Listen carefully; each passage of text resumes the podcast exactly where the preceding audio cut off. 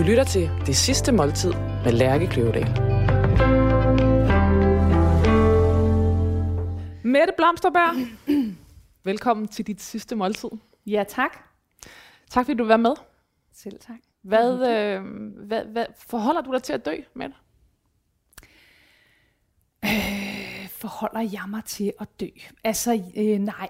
Egentlig ikke øh, til hverdagen. Jeg tror egentlig godt, jeg bare kan sige højt, at jeg er ret afklaret med, at det skal jeg.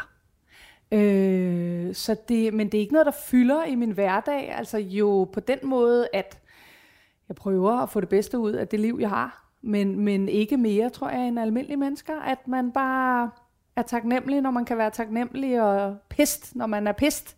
Øh, men det, ja, jeg forholder mig til det, men, men helt øh, naturligt, synes jeg. Og hvordan, altså hvordan, øh, du siger, du er blevet relativt, eller du er relativt afklaret omkring det. Hvordan er du mm. blevet det? Jamen, det synes jeg, jeg har efterhånden mistet mange mennesker, som har været tæt på mig. Øh, og det gør jo helt automatisk, at man sådan stille og roligt finder ud af, at prøv lige en gang at høre her, det er altså virkelig, det er virkelig en stor del af livet rent faktisk. Og det, øh, jeg kender ikke nogen, der har undgået det sådan. Jo, øh, så er det fordi, de har god grund til det endnu og lever glad og fro.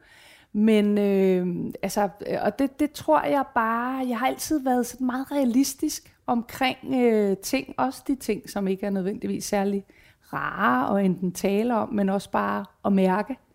Så på den måde tror jeg altid, jeg har været sådan meget, nu siger jeg sådan snusfornuftig, jamen altså prøv at høre, det er sådan der. Det er jo sådan set det eneste, vi kan være rigtig sikre på, det er, at det slutter en dag. Der er noget pragmatik, der går, der går igen, når, man, yeah. når jeg læser om dig, og er det også ligesom det, der gør sig gældende her? Ja, det tænker jeg. Ja. Mette, jeg har skrevet din nekrolog. Ja, det er virkelig spændt på. Og øh, jeg, har, jeg har skrevet, jeg har givet dig tre overskrifter, mm. som øh, du må være med til at, at vælge i, eller som jeg, jeg egentlig vil bede dig om at, at forholde dig til alle tre. Mm. Øh, den første hedder, Danmarks ubestridte kagedronning er død. Ja. Den næste hedder Konditor med sans for rampelys. Og den sidste hedder Kagepioneren, der satte konditorarbejdet på landkortet. De er fine. øh, jeg tror, det der rammer mig mest i hjertet, det er i virkeligheden den sidste. Og det er det... Kagepioneren, der satte konditorarbejdet, konditorarbejdet på landkortet. Ja, det tror jeg måske, fordi der er ikke nogen tvivl om, at fagligheden har stået ufattelig højt for mig altid. Og i virkeligheden er øh, det, at jeg ligesom begyndte at lave mine egne programmer, fordi det er jo der, sådan man kan sige, Danmark sådan for alvor for øje på en, når man kaster sig ud i, i æderen på den måde. TV er et vildt medie på ja, den måde. Det, det ja, det er det jo. Øh, men i virkeligheden er du startet længe før for mig, både med at skrive nogle bøger og i det hele taget at formidle. Det har altid virkelig øh, givet mig noget glæde. Og det der at kunne give noget videre og sådan øh, øh, dele ud af mig og dele ud af det fag, som jeg i virkeligheden bare altid har elsket sådan virkelig meget. Øh, så, så jeg tror, det der med fagligheden, det, det der at pille tingene lidt ned, jeg er jo med på, at det er sådan et lidt forfinet fag, og det er også derfor, at mange bliver enormt imponeret af det. Og det er selvfølgelig også øh, detaljernes fag. Men i virkeligheden, så er det også bare en pose mel og et par æg og en halv vaniljestang, hvis man er heldig. Og så, så er det en masse nærhed og en masse nærvær og i det hele taget bare noget, vi skal have i hovedet. Øh, det er lidt forkælelse, det ved jeg godt, men, men i virkeligheden er det meget jordnært. Og det ved jeg godt, at mange siger, at det er jo løgn, fordi hun står der og kreerer de vildeste ting, og det skal være helt perfekt. Og det skal det jo, fordi at jeg er fejnsmækker, og jeg er håndværker, og jeg er en stolt håndværker. Og jeg har altid heldigvis haft flere for det, jeg laver. Så det er jo også en udvikling. Altså det er sådan lidt en elitesport, tror jeg. Man kan det er meget sirlig elitesport, ja. Ja, det tror jeg egentlig. Altså ikke nu måske, men det har det været sådan ens faglige vej. Så, så i virkeligheden tror jeg... Og du, når du siger ikke nu, så er det fordi, det ikke er det, der er dit primære længere... Nej, ja, fordi det ja. er jo det der, hvor man ja. bare dygtiggør sig, og øh, man laver ikke andet end at arbejde, og man skal bare være den bedste, og man vil gerne lære noget fra andre mennesker, og man investerer rigtig meget i det faglige liv. Men ideen med at lave tv, da jeg begyndte på det, at lave mine egne programmer, det handlede faktisk ene og alene om, at jeg synes, at vi var ved at miste noget dansk madkultur. Sådan helt. Bare så simpelt. Mm-hmm. Øh, og der fik jeg virkelig lyst til, og så kan man sige, mad, mad er jo ikke kager. Kager er ikke mad. Men det hænger jo virkelig meget sammen. Så det var simpelthen derfor, jeg tog mine egne piger med, som var små dengang, i køkkenet, og ligesom sagde, prøv nu at se her, se hvad børn kan. Og, og det kan godt være, at jeg tog konditoriet med, fordi det var jo min faglige métier, men, men det var vigtigheden i at tage børnene med i køkkenet, der var fokus. Så kan man sige, så udvikler sådan et program, så, så bliver det kun lige i midten, der er noget med børnene, og sådan er det jo. Man ved jo også godt, hvad er det, vi skal sælge de her programmer på. Men det var det, mit hjerte brændte for. Jonas, det dufter det dufter. med dig. Du dufter også dejligt. Ja, du dør. det er blevet en ting i dag, Wow. Jonas. Du går her og dufter godt. Det er da fantastisk. det. Vi skal starte med en skaldyrspisk, mm-hmm. som du skrev til os. Det skal være en skaldyrspisk. Mm-hmm. Den skal være, det skal være let, mm-hmm. øh, men intenst. Ja. Øh, Lille og intens. Lidt og intens, Ja. ikke let. Mm. Så jeg har simpelthen valgt at lave det, der hedder en hummer corallin.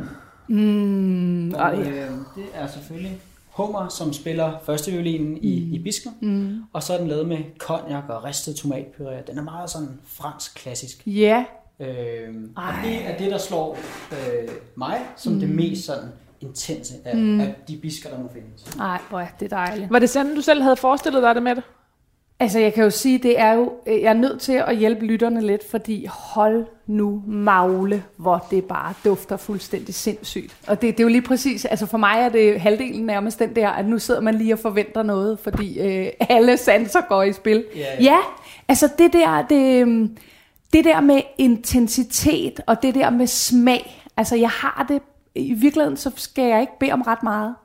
Jeg vil bare have lidt, der er, undskyld, pissegodt. Men var du helt nede i, øh, der var jo sådan en periode i, i, i, topgastronomien, hvor man nærmest øh, på alle restauranter, eller de fine restauranter, så fik man en smag på en ske. Mm. Var du helt dernede, eller er du glad for, at vi simpelthen er, trods altså, er på jeg, en er tallerken? også, jeg er også et lille madøre, ikke? Ja, så så det- det er ja. så fint. Men det er bare for at sige, det er meget vigtigere for mig, og det er det egentlig mange aspekter i livet. Jeg vil hellere bare bede om lidt af ja. noget, der er så rygende lækkert, og der er nogen, der har lagt lidt hjerteblod i, end et eller andet stort, voluminøst, øh, for det siger mig ikke en skid. Tak for hjerteblod, Jonas. Det ser Og hvad skal vi drikke? dejligt ud. Og, og til at drikke, det skulle være en, øh, en hvidvin, og gerne lidt, øh, lidt tør, Ja, øh, eller til den tørre side, Ja. om ikke andet. Mm. Så jeg har valgt den her, det er godt nok en Puy mm. øh, men det er på en, en Sauvignon Blanc. Mm. Så den er, sådan, den er sådan til den syrlige og til den lidt tørre side. dejligt. Ej, hvor er det lækkert. Tusind, Tusind tak skal tak. du have. Mette, spis videre, og så begynder jeg at læse din nekrolog op. Ja. Når hele Danmark uge efter uge stemlede sammen for en skærm for at se glade amatørbagere folde sig ud i den store bagdyst, var det i mange år Mette Blomsterbergs hårde, men retfærdige domme, de glædede sig til. Mette Blomsterberg udvidede sproget og fik os til at bruge begreber som skarpe snit, perfekte afbaninger og ikke mindst flot sprøjteteknik, når vi selv gik i køkkenet derhjemme. Mette Blomsterberg var både før og efter sine seriesucceser mere end bare tv-kagedommer. Hun var en passioneret og ualmindelig skarp konditor med en uknækkelig stræben efter perfektion. Så er vi ligesom i gang. Ja. det er så sjovt, fordi jeg har aldrig sådan... Øh, jeg har egentlig aldrig syntes, at jeg var skrab. Eller hård. Men, men selvfølgelig er man det jo, fordi ved du hvad, det jeg er, det er, at jeg er hudløs ærlig. Øhm, og jeg har altid haft det sådan, at når man bliver hyret ind til at være dommer i noget, så er man det ærligt og med hud og hår. Altså der kan man ikke, og jeg kan bare fortælle dig, sådan en helt hånd på hjertet, det er hamrende hårdt at være ærlig dommer i sådan en dyst. Øh, fordi der står helt rigtige dejlige mennesker over for dig. Og, og, Har gjort sig umage. og, og har offret alt. Altså som i alt. Øh, og det, er jo, det, det, det skal man jo heldigvis glemme, mens man står der, fordi det er jo ikke det, det handler om. Men den respekt kommer jeg aldrig til at, at kunne løbe fra. Altså, så jeg vil altid altså, stå der med respekt og have min faglighed. Altså, der er jo for pokker bare konditor, der skal vurdere tingene. Og det, og det ærlighed er jo også nogle gange en, en sådan lidt rå øretæve. Det kan det jo være. Hvor overraskede det- det dig, at det var noget, øh, danskerne, folk tog så øh, varmt imod?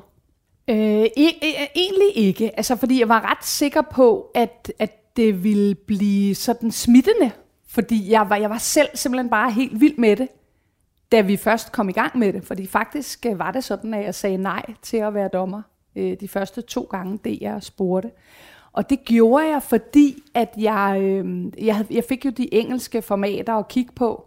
Øh, og jeg synes simpelthen, at, at det, og sådan er det ikke mere, heller ikke de britiske formater, men, men det var det som start, der synes jeg simpelthen, det var fra Gordon Ramsay-agtigt. Ikke et ondt ord om ham, men det var alligevel et, en måde at kommunikere på. Jeg synes, det var for hårdt, det var for sådan... Øh, øh, for i rettesættende, og du ved, hvordan tror du selv, man skal kunne spise den kage, eller du ved, hvor jeg tænkte, nej, sådan kommer jeg aldrig til at formidle. Og der troede jeg faktisk heller ikke på, at danskerne ville kunne lide at høre på det. Øhm, altså der var også en, måske en glædesløshed, eller hvad? Jeg, jeg synes, det var for hårdt, mm. de, i hvert fald de første engelske programmer. Øh, og der, det, det synes jeg simpelthen ikke var dansk. Og det var i hvert fald, så kan man sige, det er der så meget, der ikke er, men det var ikke noget, jeg kunne se mig selv i, øh, øh, hvor at man i rette sætter mennesker på sådan en hård måde. Det, det var jeg ikke vild med. Jeg har ikke intet imod at være ærlig, men man skal tale pænt, og man skal have respekt. Øh, så, så, så derfor så gik vi lige nogle veje med DR, øh, og vi endte jo så med, at jeg faktisk var øh, konsulent på den store bagdyst, så jeg ligesom også havde et ord med i spillet om, hvordan skal de her programmer udvikle sig, som i øvrigt gav mig selv enormt meget, men også så, så jeg ligesom vidste, at jeg kunne stå der helt og på begge mine fødder og være stolt og glad. Øh, og, og det synes jeg virkelig var fedt, at vi fik gjort det til et, altså, en dansk, den store bagdyst. Øh, og det, det lever jo glad videre, og det er jo simpelthen bare så dejligt at se. Det er vildt, at det er blevet så stort. Jeg fortsætter her. For de fleste danskere blev Mette Blomsterberg først en del af deres bevidsthed, da hun i 2010 tonede frem på skærmen som vært på Det Søde Liv. Men fagligt herskede der aldrig tvivl om Mette Blomsterbergs talent og vilje til succes. Hun blev udlært konditor fra Kransekagehuset øh, på Ny Østergade i København i 1990, mm. og blev derefter chefkonditor på øh, den kongelige skydebane Søløst. Allerede som 22-årig vandt hun bronze ved konditorverdensmesterskaberne i Lissabon, og i en alder af 25 blev hun chef for pakter øh, af Glyptotekets Café i Palmehaven. H- hvad var konditorverdenen for et sted at være, da du startede? Åh oh, ja, altså jeg, mm, jeg, jeg tror, jeg må, jeg må konstatere, at jeg har været heldig, fordi da jeg øh, i en alder af 16 år kommer i erhvervspraktik som konditor, øh, der kan jeg bare mærke, at det, det, det er fuldstændig ligesom at være derhjemme på en eller anden led. Øh, det er både noget med det der faglighed, og det der en palle med æg. Og, altså størrelsesforholdet. Øh, ja, alt det der. Nå, det var bare så råt på en eller anden måde. Ikke? Og der var mel på gulvet, og store bæresvende, og du ved, altså det var bare, det var bare ufint på alle mulige måder, for man skulle præstere til tiden, og man skulle arbejde hurtigt, og man skulle helst også være lidt rap i replikken, og lidt hurtigt på hænderne, og Øhm, og, så, og så den der forfinethed, og det der produkt, der kom ud af det, og de der mennesker, der måske hentede en kage, som var lykkelige. Altså det var sådan helt... Jeg starter med en pus muljord i form af nogle æg og noget mel og noget, og så lægger man en masse øh, øh, energi i det, øh, og man er faktisk et team, der gør det. Og så derude i den anden ende, så får man finuret det færdigt og gjort og nusset og nipset, og så gør det nogle mennesker glade. Det var, det var sådan en, ret fed rejse. Og det forelskede jeg mig simpelthen hovedkulst i. Jeg passede på en eller anden måde bare skide godt ind i det der. Øh, så det blev min hylde. Så for at være ganske ærlig, så kører det tog, fra jeg kommer i lære i Kransekagehuset hos Jørgen Søgaard og Bodil, så kører mit tog bare, jeg tror som en elitegymnast eller et eller andet, der træner, der står op om morgenen og tænker, jeg må hellere huske at få et stort glas vand og, og en dobbelt skive robrød med en skive ost, fordi jeg får nok ikke noget at spise resten af dagen. Og det er ikke, fordi nogen har sultet mig, men det er bare, fordi sådan var virkeligheden. Ja. Og det kørte bare stærkt, og man ville hellere noget andet. Øh, når jeg så kom hjem om eftermiddagen, så var jeg så pattetræt, så jeg lagde mig ned og sov øh, i halvanden time, før jeg overhovedet kunne øh, se ud af øjnene, fordi jeg, jeg gav alt. Og først da jeg sådan har udstået min læretid, jeg kommer på søløst, altså der er jeg, jeg er simpelthen drevet så meget af noget lyst og noget energi og noget vilje. Og, altså, det, det fylder hele mit liv. Jeg elsker det. Øh, og det er ikke det samme, som der ikke er møgdage, eller jeg var træt af det indimellem, eller jeg synes, det var for hårdt, eller jeg blev ked af et eller andet. For det var der masser af. Men grundlæggende var jeg bare indstillet på at køre én vej, og det var, at jeg ville blive rigtig dygtig. Jamen, det er også fordi, at det, er, det, er, det er jo også et af de fag, hvor der er så ekstremt mange teknikker. Jamen, det er faktisk rigtigt, og det, måske er det i virkeligheden der, min fascination ligger, fordi det, øh, øh, og det er derfor, jeg kan også blive sådan helt ked af det, når nogen siger, ej, jeg vil simpelthen så gerne være konditor, fordi jeg er mega god til at pynte kager, hvor jeg tænker, åh, lille skat, altså, der er sgu lang vej, søde, fordi der, du skal godt nok lave mange lavkagebunden, øh, og skure mange gulve, og tage, ligge med en øh, skrabejern, og, og tage snavs op af gulvet, inden du går hjem, og altså, det er jo mange ting, øh, og det kan man sige, det finder de ud af, men jeg synes bare, det er lidt ærgerligt, hvis man misforstår faget, og tror, at det kun er så. Og det kan man sige, det er bagedysten jo, er jo selvfølgelig på ingen måde professionelle folk, men man får jo lidt den der rosenrøde, godt nok stresset og alt muligt, men du tænker, ej, de, skal, de har fire timer til at lave en kage. Men sådan er virkeligheden altså ikke ude i et bageri, vel? Det er den altså ikke. Der skal du måske, altså, du har måske lavet 1500 kager, inden du går hjem øh, på en arbejdsdag, ikke? hvis det kan gøre det. Og gjort klar til 600 til i morgen. Så, så det er, og det er ikke, fordi det, det synes jeg faktisk er smukt og mega fedt. Men det er en helt anden virkelighed. Det er også et volumenarbejde. Det er det. For ellers så kan man overhovedet ikke leve af det, vel? Ej. Jonas, det ligner jo en forårsdag, det her. Jeg var meget tæt på simpelthen også bare at skrive en bare stenbiderovn, ikke? Fordi jeg elsker det. Og det er lige nu. Og se, hvor smukt det ser ud. Hvor er det dejligt. Det er, det er meget forår. Øhm, Ej, den, man så- trænger til den følelse. Ja, Ja. det gør man. Ja. Det snakker vi også om de sidste par programmer. Nu må der godt komme lidt forår og lidt, Ja. sommer, trods alt. Ikke? Jo. Jamen, jeg tror også, jeg, med- da jeg sad med den her menu til dig, så tror jeg, jeg har besluttet mig for at dø om sommeren. Ja. det kunne jeg lige pludselig mærke. Men der er bedst humør, ikke? Ja, og så tænker jeg, de der sterillys, det skider jeg på. Det skal nok komme til at passe ind. Ja, fordi lad os også lige tage den med det. Du har jo været meget specifik omkring, øh, hvad hedder det, omgivelserne, når du Ja. skal dø. Ja, Øh, du vil have dine din, din tætte mennesker omkring dig. ja. Så vil du have brænde i brændeovnen. Jonas Mhm. prøvede at finde en... øh, Det kunne ikke lade sig gøre. Der var nogle Bare brand, viljen. brandmyndigheder og Ja. ja. nogle ting, som, som ikke kunne lade sig gøre. Ja. Men det, jeg synes, det var vildt interessant, at du skrev det, fordi at jeg tror, det er sådan en... Øh, jeg kender det fra, fra vores branche. Vi har jo samme branche. Øh, det, det handler enormt meget om stemning. Ja. Og det er ikke nødvendigvis... Vi har jo mange af os prøvet at spise de fleste ting efterhånden. Ja. Så det handler mere om stemning, og Ja. hvem man gør det med, og omgivelser. Og sådan. Ja. Så det, det slog mig ret meget, og det Ja. ja. gik ret meget op i det. Ej, hvor er det fedt. Jamen, det er virkelig vigtigt for mig. Altså, og jeg har det bare sådan, prøv lige at høre, giv mig et telt. Jeg har, jeg har tit sagt, hvis det går helt af helvede til, så laver vi verdens hyggeligste campingvogn.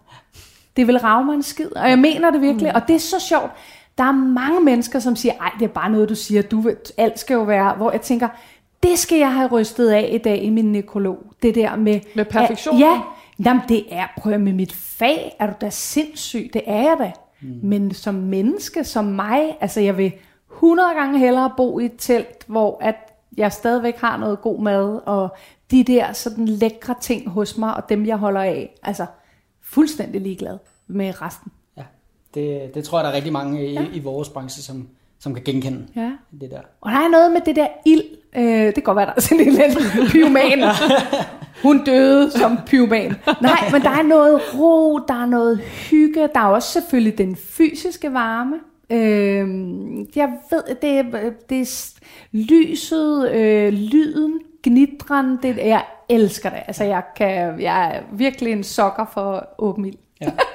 Og så, øh, hvad endte vi så med på tallerkenen? Jonas? Vi endte yeah. med øh, en, en meget sådan forårs øh, sommerlig ting, mm-hmm. med et stykke stegt hvid fisk. Mm-hmm. Du skrev, at det kunne være sandar, så ja. Det er selvfølgelig blevet. Ja, tak. Og øh, som er en vild god stegefisk, Ja. også for det. Og det er med en lidt spæde grøntsager, mm. øh, sådan et forårsgrøntsager, der er lidt snitbønner, der er lidt, øh, lidt fennikel, mm. øh, og lidt aspargesbroccoli. En masse urter, skrev der godt med urter, Ja. så der er lidt af hvert. Ja. Øh, sådan forårs sommerlige ting. En god dusk. Tøm fra i haven. Det kan Hvem kan det. ikke lide en god Hvem kan dusk? ikke lide en god dusk? Eller er det, jeg tror ikke, det er rigtig moderne, Lærke. En god dusk. Den kommer tilbage. Du, det, det er, altså, dusken er på vej tilbage. Det er helt kan det er være, for sure. Det, kan. Men der er ikke hår i maden, vel? det satser jeg ikke. Nej. Nej. Det ser sgu lækkert Og ud. selvfølgelig stenbiderrum, fordi Ja. det, det er sæson nu, og en klassisk fransk beurre blanc. Prøv at høre her igen. Bum. Hvorfor skal det være så bøvlet? Jamen, det behøver det Det er ikke. da ikke for sjovt, de der klassikere er blevet klassikere. Nej. Det er jo fordi, de øh, fortjener det. Ja, Ej, hvor er det lækkert. godt. Tusind Ej, tak. det er faktisk sådan en forårsfølelse. Og Ja. altså, der, det, og der er sgu ingen, der er lidt sol udenfor. Det var da fuldstændig livgivende. Ved du hvad, altså jeg, øh, nu sidder vi her, og jeg er nødt til at være helt ærlig, jeg bliver helt rørt af det. Nå, hvor dejligt. Det er vildt fedt. Godt. Wows. Hurra, sådan skal det være. Føler nogenlunde. Ja, Sådan skal jeg skal jo nyde det, det er mit sidste Ja. måltid. Øh, Mette, hvorfor, altså, øh, du kunne jo lige så godt have blivet øh, stegekok, eller du ved, altså, hvorfor, Ja. hvorfor, øh, hvorfor blev du ikke det? Men det kunne jeg faktisk lige så godt have blevet, fordi det ville jeg også gerne være. Jeg ville faktisk rigtig gerne være kok, øh, fordi jeg har altid været meget fascineret af det der at skabe noget selv, og jeg har altid været øh, ret vild med at kunne få ingenting til at blive en hel masse.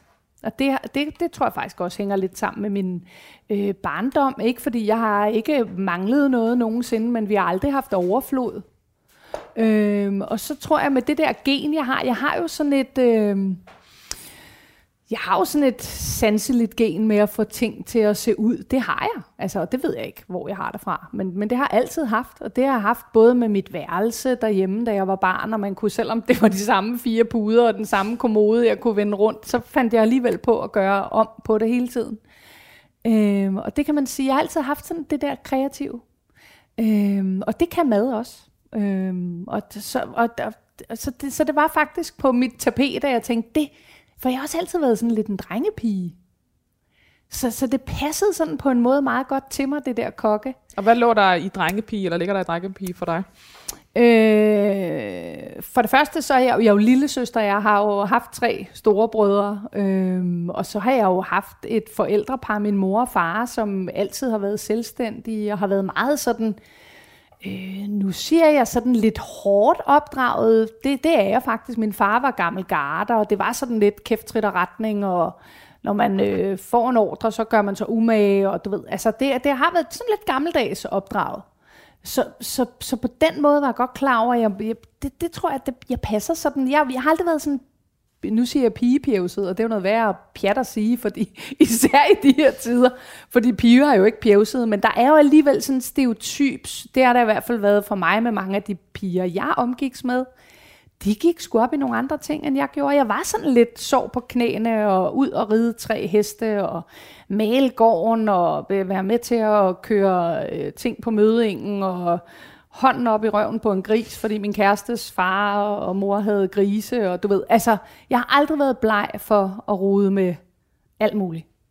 Øh, så der kan man sige, der har jo bare været heldig at finde en, en branche, som, som havde lidt af det hele, både det rå og det lidt forfinede. Og det synes jeg nemlig også, kokkebranchen har. I Ja. den grad. Ja. Gå i gang med den vidunderlige mm. hovedret, så læser jeg videre her. Mm. Allerede fra da hun i 8. klasse var i skolepraktik som konditor, var det ikke bare de søde sager, der trak i hende, men også den rå omgangsform, tempoet og tonen. Øh, som lille søster til tre brødre øh, var det en stemning, Mette var vant til at begå sig i, ligesom hun fra sin mor havde lært vigtigheden af både hårdt arbejde og selvstændighed, blandt andet som følge af forældrenes hårde skilsmisse. Mm. Og det har du fortalt til magasinet Liv, skal jeg huske at sige. Mm. Den strenge arbejdsmoral gjorde også Blomsterberg til en dedikeret forretningskvinde. I eget navn solgte hun køkken- og bageudstyr, skrev utallige kogebøger, holdt foredrag og åbnede flere caféer i tæt partnerskab med sin mand, Henrik Blomsterberg. Men øh, i 2019 måtte hun dreje nøglen om til sin øh, sidste café. Økonomisk kunne det ikke løbe rundt, og caféen gik konkurs. Nu er det mange år, vi lige gennemgår meget hurtigt. ja. øh, Rigtig hurtigt. det præcis. Hvad, øh, hvad gjorde den skilsmisse ved dig?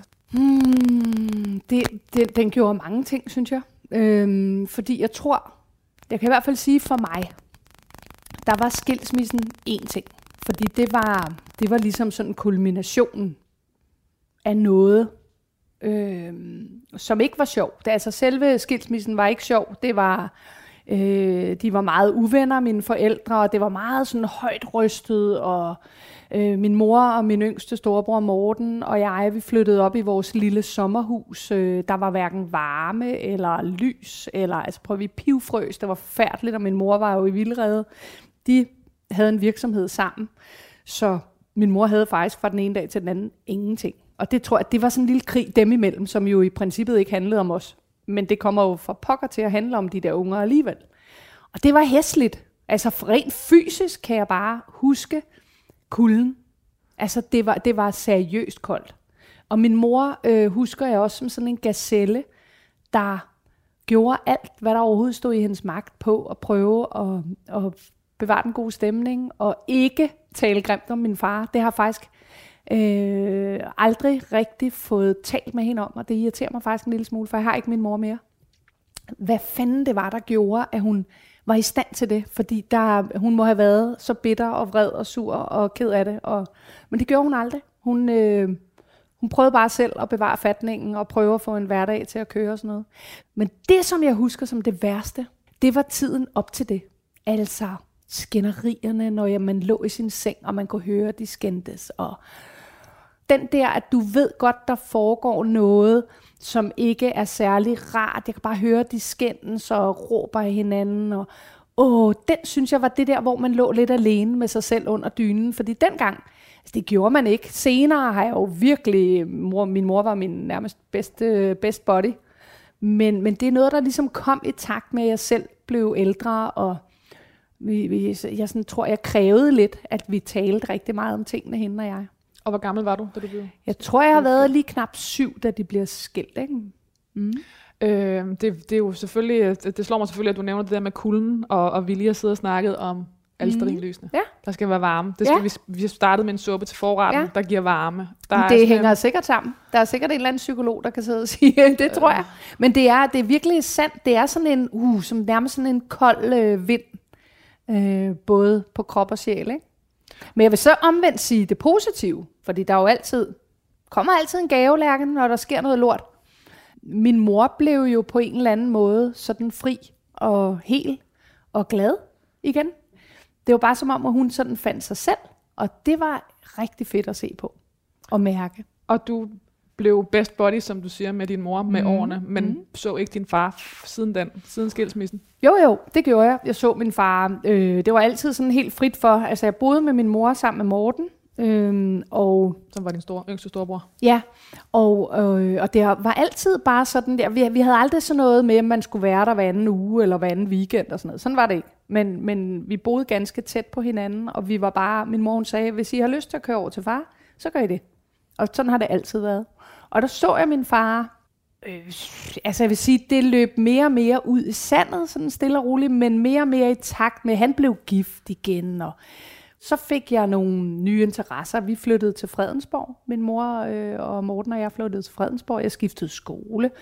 Så begyndte jeg at ride nogle heste. Jeg kunne ride for nogle mennesker og sådan noget. Øh, og hjælpe dem med det. Og det kunne jeg jo gøre gratis, fordi jeg havde jo ikke, altså vi havde sgu ikke midler til, at jeg kunne ride heste. Øh, så du ved, altså der skete en masse ting. Jeg fik en kæreste, og øh, spillede i band med min storebror. Du ved, altså jeg tænker, det der ungdomsliv, Hvad spillede du? jeg sang. Du sang sådan. Øh, når jeg fik lov, fordi det var jo sådan lidt, du ved. Og kommer du, med. ja, ja, Ja. ja, kommer du op og, og synger lidt? Ja, det vil jeg gerne. Ja, nu må du godt gå ned igen. tak, vi har set, hvad vi skulle have. Mega fedt. Nej, det var sgu sjovt. Så altså, mm, på den måde, så, så sker, skete der en masse, tror jeg egentlig, og så, så tror jeg nu nok, at hvis, hvis det bare havde været sådan, at jeg ville hjem til min far, så havde jeg bare kunne gøre det. Men det rendte sådan lidt ud i sandet. Og så tog vi egentlig kontakt sådan alvorligt igen. Øh, på min 18-års fødselsdag husker jeg, at øh, min mor og hendes kæreste og mine brødre inviterer min far, og så hans nye kone, der har han så fået en ny kone i mellemtiden. Øhm, og de kommer med til sådan en surprise, de laver for mig, da jeg bliver 18. Ej, hvor er det sjovt at sidde og tænke på det, faktisk. Det er jo godt nok nogle år siden. Øh, og der begynder vi så at se hinanden lidt igen. Øh, og jeg bor i Humlebæk, og min far bor med hans kone i Nivå. Og vi ses, og vi, min far har altid været sindssygt dygtig til at lave mad, og så det er altid sådan noget, vi snakker om, og hjemmebakke grobrød og alt sådan noget. Men, men øh, vi har, vi har netop for år for inden været på noget skiferie og noget, så hvor det hele kulminerer lidt i noget. Vi bliver sgu lidt uvenner og lidt trætte af hinanden, og du ved, kender du ikke det, hvis man har været tæt sammen med nogen på en ferie eller sådan noget, så kan man godt sådan lige have det sådan i en periode, og man, åh, det er ikke lige dem, vi skal se på lørdag. Øh, men egentlig var der ikke noget ondt i det, men, men jeg tror, at dengang, der skete der et eller andet. Min far, han havde svært ved at forstå, at vi sådan lige havde fået lidt nok af ham. Han, han var en meget sådan... en mand, der fyldte meget, sådan meget øh, koporlig og meget sådan, øh, du ved, øh, diskuterende og sådan, ja. Øh, og så gik årene bare igen. Altså, det har været noget underligt noget. Jeg har så selv forsøgt at tage det op, hvor jeg har skrevet nogle breve, og så er vi ligesom forsonet igen. Men det har bare altid været sådan lidt bøvlet. Og så har det altid været meget, mm, vi skulle diskutere altid. Og det kan jeg bare fortælle dig, at det er jeg så træt af. Og det, det er desværre også noget, jeg har med mig. Jeg vil meget gerne diskutere. Men, men jeg gider ikke at sidde sådan, du ved, og vende hver en sten og øh, øh kaste mudder i hovedet på hinanden og sådan noget. Så det er virkelig noget, jeg har fået nok af, rent faktisk. Vi, vi, det er fint, hvis vi kan finde ud af det, og vi er på bølge, vi må meget gerne tage en god diskussion og sådan noget, men jeg kan godt mærke, du ved, jeg gider ikke, når folk begynder sådan at blive sådan nævnyttige og sådan noget, jeg gider ikke. Slut. Og det må jeg sige, min, min far døde her for nylig faktisk, øhm, og jeg har ikke set ham i mange, mange år. 26 år, tror jeg, så om sidst. 28 måske. Det år, jeg mødte Henrik faktisk. Og igen sådan et, til sådan et forsoningsmøde, hvor vi bare, øh, jeg er egentlig bare taget hjem, for jeg tænker, kan vi ikke for fanden bare se hinanden sådan i øh, fordragelighed, og så tage ud og handle og spise en øh, sillemad en gang imellem, og så lade det være det. For det synes jeg faktisk var fint. Men, men der husker jeg det der møde, som sådan jeg nærmest var i, i en retssal. Altså, du ved, det der brev, jeg havde skrevet, det blev hævet frem flere gange. Ikke så meget min far, men mere hans kone. Du ved, hvor, jamen, det var det, jeg sagde, så ville hun nok sige det her, du ved. Og hvorfor siger du sådan nu, når du har skrevet? Hvor jeg tænkte, ej, prøv at høre. Det skulle få bøvlet. Og det er jo det, der sker. Så kan man sige, at det er sådan bevidst, et bevidst fravalg, at jeg ligesom valgte min far fra. Nej, det var der egentlig ikke. Men, men det blev for konfliktfyldt, og det blev for bøvlet. Og, og det gør det jo også, fordi du så er følelsesmæssigt involveret, så det, det gjorde sgu for ondt. Så tror jeg i virkeligheden faktisk, at jeg aktivt besluttede mig for, at det behøver jeg ikke at have inde i livet, fordi nu er det ikke kun mig, nu er der også et par børn, som min far i øvrigt aldrig mødte nogensinde. Så du ved, jeg synes lige pludselig, at han havde været så meget væk fra mit liv, og havde i øvrigt ikke selv dengang insisterede på at være en del af det. Og så kører toget jo på en eller anden led. Og der er egentlig ikke noget mystisk i det. Og, og det er egentlig fint. Jeg har haft en god far, mens jeg var helt lille barn. Øh, og det er også fint for mig, at det, det er bare sådan, det var. Men, men jeg, tog, jeg, jeg fik faktisk igennem min bror, eller en af mine brødre, en besked fra min far, at han ville egentlig gerne se mig her, da han skulle dø. Og der vil jeg gerne indrømme, der gik jeg godt nok en lang tur og tænkte, fuck mand, på den anden side, så vidste jeg jo egentlig godt, at den dag kommer jo. Og der havde faktisk været sådan en lille forvarsel for nogle år siden, hvor han blev opereret øh, sådan lidt kritisk. Og der havde det lige sådan, jeg tænkte, jamen altså, hvad er det egentlig, jeg skal... En ting er, hvad jeg selv skal have ud af det. Men hvad er det i virkeligheden, jeg skal give ham? Og det blev i virkeligheden meget tydeligt for mig, så jeg valgte faktisk at svare min far tilbage på en besked, ligesom jeg havde fået en besked. Det ville jeg aldrig gøre normalt, for jeg tænkte, det sådan svarer man ikke sådan noget med. Jeg tænkte, han har valgt at skrive til mig, at det vil være rart, jeg kommer. Eller han ville bare gerne sige farvel, og han ville også gerne øh, tale om, hvorfor det egentlig var, vi ikke havde set hinanden. Og hvor jeg tænkte, jamen prøv at høre, jeg ved ikke engang, hvor, hvorfor var det, vi ikke har det? Jamen, fordi det bare blev for bøvlet. Så havde det sådan, så skal jeg tage dig ind for og hvad? At bare være søde med det, der holder i hånden, og fordi hvad med alt det skal ud, og de der spark, jeg har lyst til at give ham? Skal jeg så lade være med at give ham dem, fordi han er syg og skal dø? Eller han har jo altid om nogen lært mig at være ærlig og bramfri og være mig. Men jeg ved sgu ikke, om jeg er heks eller hvad, og det kan også være, at jeg ville have taget fejl. Men jeg havde en idé om, at vi kommer sgu nok, jeg tror, at vi måske kommer brevet frem igen, og så skal jeg igen i, i en eller anden forhør. Og det har jeg stor respekt for, at det, det var nemlig hans, sådan var han meget. I hvert fald dengang jeg kendte ham. Men jeg kender ham jo ikke mere, Lærke. Altså, så det, jeg må indrømme, jeg havde det sådan, hvad, hvad så hvis han begynder på det? Skal jeg så simpelthen skære ud i vort bølgepap, hvad jeg synes om den måde at håndtere tingene på? Det er han jo ikke tjent med. Når han ligger på sit dødsleje. Nej. Så jeg skrev i virkeligheden bare, at jeg var helt afklaret med, at vi ikke så hinanden, og det havde jeg faktisk lært at leve med for mange, mange år siden. Og jeg ønskede bare, at han ville få det godt på sin rejse, og den sidste tid, han havde tilbage. Og så sendte jeg ham et par hjerter og et knus. Og det har jeg det rigtig godt med. Mm.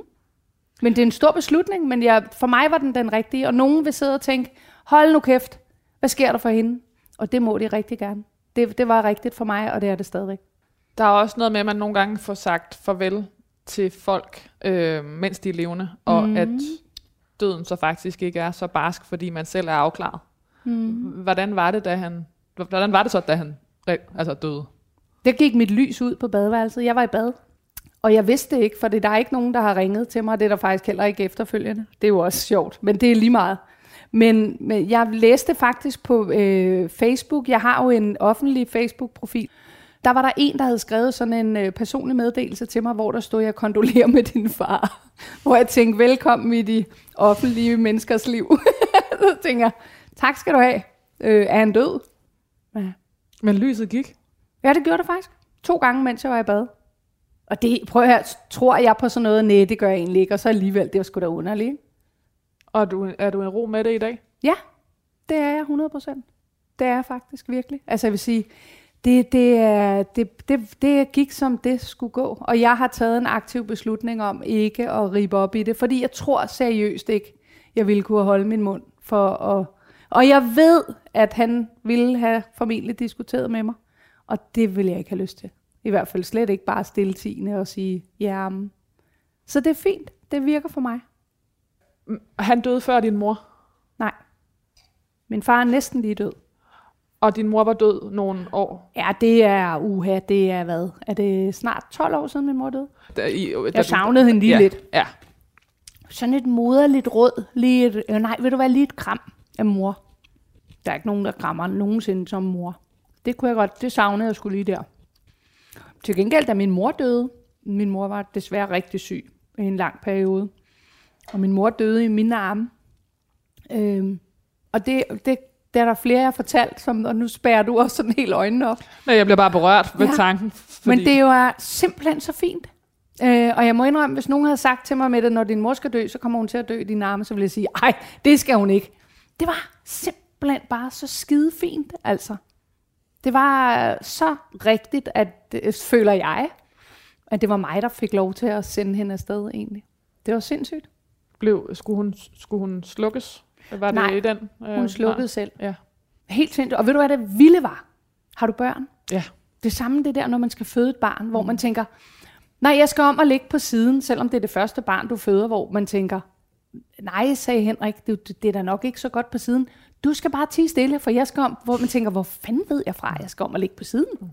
Jamen det er rigtigt nok, sagde jordmoren. Det er fordi, du mangler lige at blive åben, den, altså hvor man tænker, hvad fanden sker der med os?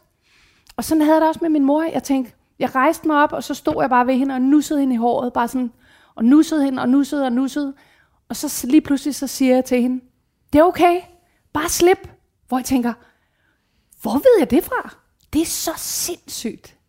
Det har jeg så stor respekt for, at man, at det bare er sådan helt dyrisk på en eller anden led. Øh, vanvittigt. Og så åndede hun simpelthen ud. Og måske det var hun så også havde fint. brug for, at du øh, sagde til hende, at hun måtte give slip. Jeg ved det sgu ikke. Jamen, jeg ved, jeg ved ikke, hvor det kom fra. Jeg gjorde det bare. Jeg, jeg husker det næsten, som jeg råbte. Jeg tror, de kunne høre det på gangen. Og der sker, jeg ved sgu ikke, hvad det er. Og det, den der, jeg vil næsten kalde det urkraft. Ej, hvor er det vanvittigt. Jeg vil lidt ønske, at vi turde og måske give det lidt mere opmærksomhed, fordi jeg tror faktisk, at der kommer rigtig meget til os. Er hun stadig hos dig, Ja. din mor? Det er hun. Øhm, der var faktisk en sindssyg episode. Nu kommer det til at lyde helt som om, at jeg nærmest... Ja, ja, men det er så underligt, fordi der er sådan det, og jeg tror, det er sådan noget fornuft i en. Tror man på noget mellem himmel og jord, og er der, og hvad er der, og uden ånder, og et eller andet. Egentlig tror jeg ikke på en skid. Altså det gør, jeg tror på, at jeg skal gøre mig umage med alt, hvad jeg foretager mig. Og så går det godt, eller også går det skidt, og så må jeg leve med udfaldet. det tror jeg på. Men lige præcis den dag, jeg sad og lugede indkørsel, fordi alt det der skete med min far, der sad jeg, som jeg sagde, og talte med min mor. Og der sagde jeg til hende sådan helt højt, og heldigvis bor vi sådan lidt stille. Og der sagde jeg, ej, helt ærligt, kan du ikke bare for fanden komme og give mig et kram? Bare en, jeg har æder med mig, du ved, jeg skældt ud og bandet og svoglet. Og så skal vi op og spise hos nogle venner i Hornbæk, vores rigtig, rigtig gode venner, Lotte og Torben. Øhm, og så hopper jeg ind og går i bad, fordi jeg skal ligesom også afsted. Nu er jeg siddet lude derude i alt for mange timer, og så jeg går i bad, og midt i jeg er i bad, Laura er jo 21 nu, hun kommer så ud på vores badeværelse, løbende, så siger hun, mor, mor, kom, du skal komme ind på værelset, prøv lige at komme ind på mit værelse. Så hun havde vores gæsteværelse, hun har ellers været flyttet hjemmefra. Så siger jeg, Laura, jeg, jeg er jo lidt sådan, ikke helt mig selv op i hovedet, men jeg siger sådan, hvad er det, der haster sådan? Altså, slap af, jeg er lige i bad. Kan vi ikke? Altså, jeg kommer lige om lidt. Jamen, du skal komme, du skal komme, du skal lukke noget. Lugte noget, tænker hvad fanden altså? Har vi fået skimmelsvamp, eller, hvad, eller skal det være lige nu, eller hvad, hvad er det? Så jeg tager bare et håndklæde om, og så går jeg efter hende og går ind på værelset. Og så kommer jeg ind på hendes værelse der, og så siger hun, kan du ikke lukke noget? Kan du ikke lukke noget? Og jeg har faktisk en ret god næse. Det er simpelthen sådan en arbejdsskade. Ikke? Jeg kan være hjemme hos dig, og så kan jeg sige, Lærke, du skal, jeg tror, du skal gå ud og kigge i ovnen. Det, det, det, nej, nej, der er styr på det. Det skal have 10 minutter endnu. Jeg tror alligevel, du skal lige gå ud og kigge. Altså, det er jo, sådan er det. Så jeg går ind på det værelse, og jeg kan ikke lukke noget som helst. Så siger jeg, jeg ved, jeg kan ikke lukke noget. Kom herover, kom herover, siger hun. Og så går jeg hen mod endevæggen på det der værelse, som jo næsten lige var blevet malet, så der lugtede egentlig af maling. Lige pludselig bliver jeg simpelthen ramt af sådan en væg af røg. Og så, siger hun, så stopper jeg sådan helt op, så siger jeg, jo, hvad kan du lugte, hvad kan du lugte? Hun er helt op at køre. Så siger hun, røg? Og lige det, jeg siger røg, så siger hun, det er mormor! Og så begynder hun bare at hjernetude. Og så tænker jeg bare, ej, altså, okay, jeg har lige siddet derude. Og nu kommer mormor måske, eller også gør hun ikke, eller er, det, er vinduet åbent? Er der nogen, der griller? Er der, du ved, alt, står der en og ryger? Vi, vi har, det var der ikke. Og jeg tænker, hvorfor er hun kommet ind til Laura, hvis det er, man tror på sådan noget. Ikke? Men på den anden side, det giver meget god mening, for Laura er måske den mest påvirkelige med sådan noget. Bare sindssyg oplevelse. Der er jeg slet i tvivl om. Der var hun der. Der var hun skulle lige forbi og sige hej du. Hun kom lige med Jeg fik et røgknus. hun røg rigtig mange cigaretter, min mor. Og det, øh, ja, det er sådan en total tobaksrøg lugt. Underligt, ikke? Også den der fornemmelse af, at man måske godt lige kan komme og lige give et nik. Give en røgduft. Jeg tror egentlig ikke på, Nej. at man er et sted. Det er så mærkeligt, fordi hold kæft, for jeg er i gang med at modsige mig selv. Det, jeg kan simpelthen ikke forestille mig, at man er sådan bliver genfødt eller sådan noget. Ved du hvad, jeg tror, det lige så meget handler om en selv. At lige der, jeg tror, det handler om, at du i virkeligheden mm. åbner noget sårbart op, mm. og gør dig sårbar. Og indrømmer, erkender, at lige nu har jeg med brug for noget, som jeg ikke selv kan give mig. Øhm, og jeg var også, altså, min bror mistede sin kone for os mange år siden. Det er vel 13,5 år siden eller sådan noget nu.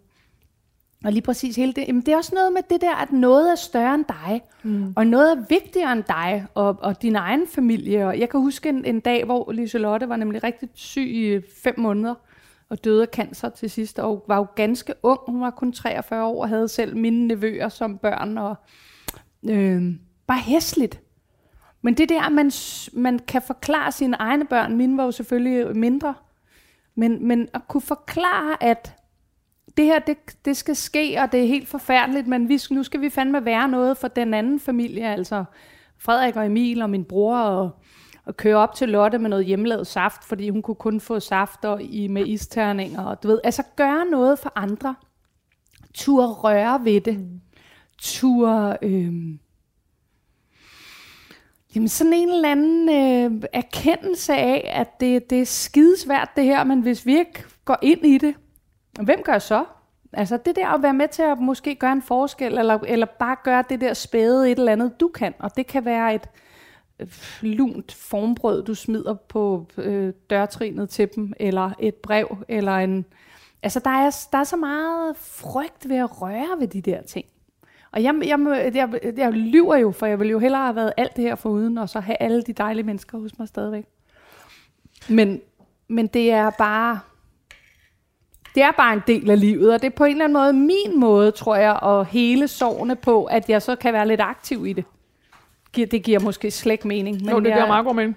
Og der er også noget, der giver meget mening i forhold til øhm, dit professionelle virke, der handler om det der med, at, at du, øhm, du har ingen berøringsangst. Er det rigtigt? Øh, det, ja, Forstår jeg, du koblingen? Ja, det, det gør jeg sagtens. Øh, og det har jeg... Øh, det har jeg ikke, nej. Jeg er ikke bange for, og, og det er rigtigt, den der ærlighed er enormt vigtig for mig. Men, men det er jo ikke det samme som, at det bare er piece of cake at dele ud af den. Fordi når jeg så gør det på nogle områder, hvor jeg synes, det er barskt eller hårdt, så giver jeg jo virkelig noget af mig selv. Så det tager også lidt på mig. Altså. Det tror jeg, at nogen tit for, øhm, forveksler, for man siger, ej, hvor dejligt befriende du er så øh, mm. ærlig. Mm. Og det, det, man glemmer, det er, det er, som du siger, stenhårdt arbejde at være så ærlig. Fordi, man, fordi det vil være, tit være nemmere mm. at pakke det ind. Ja. Altså, det, det er et stort stykke arbejde at være, at være ærlig. Jo, men det er også fordi, når du er ærlig, og nu er jeg lige pludselig lidt tilbage i bagdysten, mm. så skal jeg have sagt det her til dig. Mm. Du skal forstå det. Mm. Det skal give mening. Du skal også allerhelst for mit vedkommende have noget, du kan arbejde videre med. Mm. Du skal kunne bruge det konstruktivt, det jeg siger til dig. Men jeg skal jo, altså, jeg er jo bare en, en professionel konditor, som altid har elsket mit arbejde. Jeg er ikke coach, jeg er ikke psykolog, altså.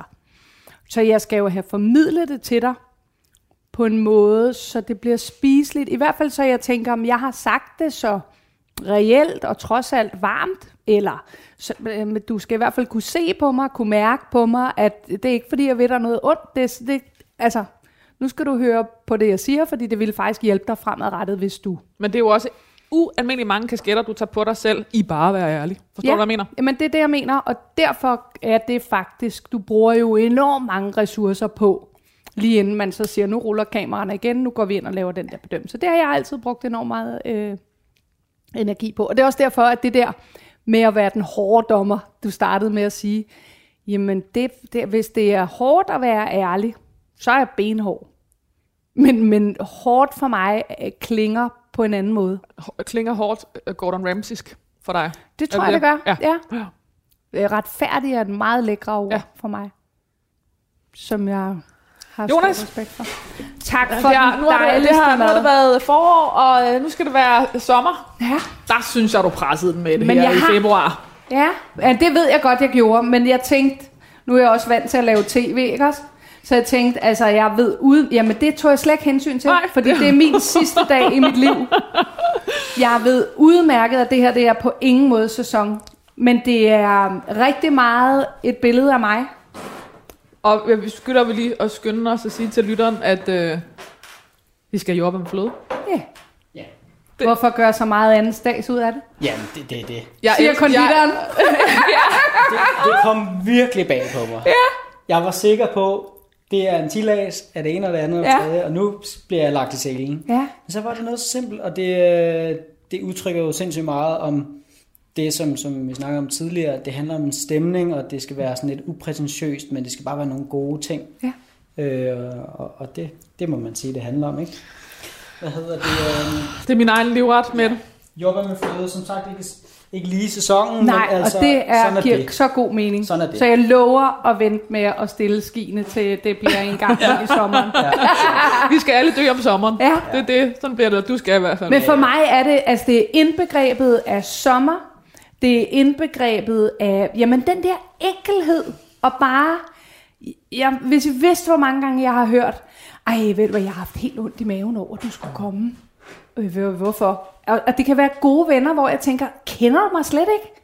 Altså, jeg kan blive helt, jeg kan faktisk, øh, jeg bliver faktisk ked af det.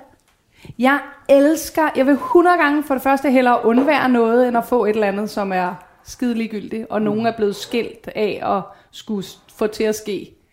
Øh, og jeg synes bare, at det kan så meget, når vi har, jeg tror en dag jeg skrev, øh, solmonede lune, ja. og hvis du lige havde været ude i jordbærbedet, og der må faktisk godt være sand på. Ja. Jeg det er elsker det der. Jamen, ja. det er bare så dejligt, ja. og det er jo, hvad det er, men sådan god fløde, og mm. hvad har du der så? Kan man sige. Jeg har taget mig en lille frihed. Ja. Fordi du sagde nemlig, som du, som du snakker om nu, at det der, det danske, altså sådan helt i bunden danske, der må godt være, det må være ude for bedet, og der må godt være lidt jord på, og sådan noget. Meget jordnært. Mm.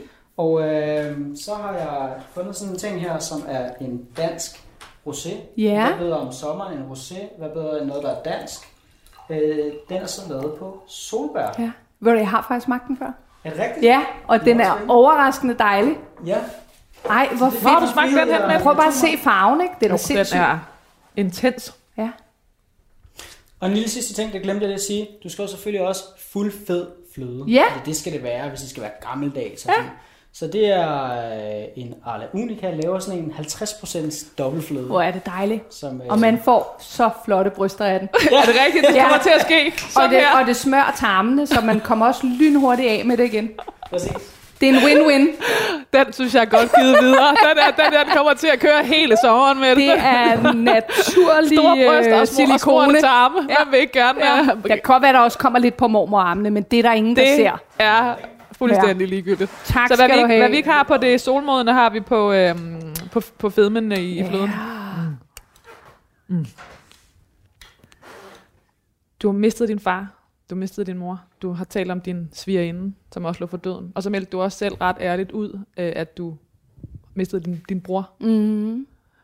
Hvad, hvorfor er det vigtigt for dig øh, at, at, at være klar? Øh, oh, det, ved du hvad, det er altid virkelig sådan et dilemma, fordi jeg har det jo sådan, når man, når man er offentlig, så, så, så synes jeg også, det er, jamen, jamen jeg tror egentlig, det, det er fordi tiden har lært mig, at det, det er sgu bedre at melde det ud selv, fordi så er der ikke nogen, der kan spænde en mærkelig historie, det kan de så godt finde ud af alligevel, men, men så ved jeg, at jeg har fortalt det med min egen tunge, og lige præcis da jeg øh, mistede min bror, ham havde jeg faktisk mistet øh, længe, længe før, fordi Morten havde et, et voldsomt alkoholproblem, som, som desværre jo endte med at tage livet af ham. Altså, øh, øh, men, men det der, at, at et menneske smuldrer væk fra dig, fordi det vælger noget helt andet end dig som familie og sine børn som familie. Og, og det er jo, altså det, det tror jeg næsten, man skal have prøvet sådan noget for, fordi det er helt, det er simpelthen så mærkeligt og frygteligt, at, at miste på den måde. Der er så mange løgne, der er så meget lort, altså undskyld, men det, jeg siger det, fordi det er L-O-R-T.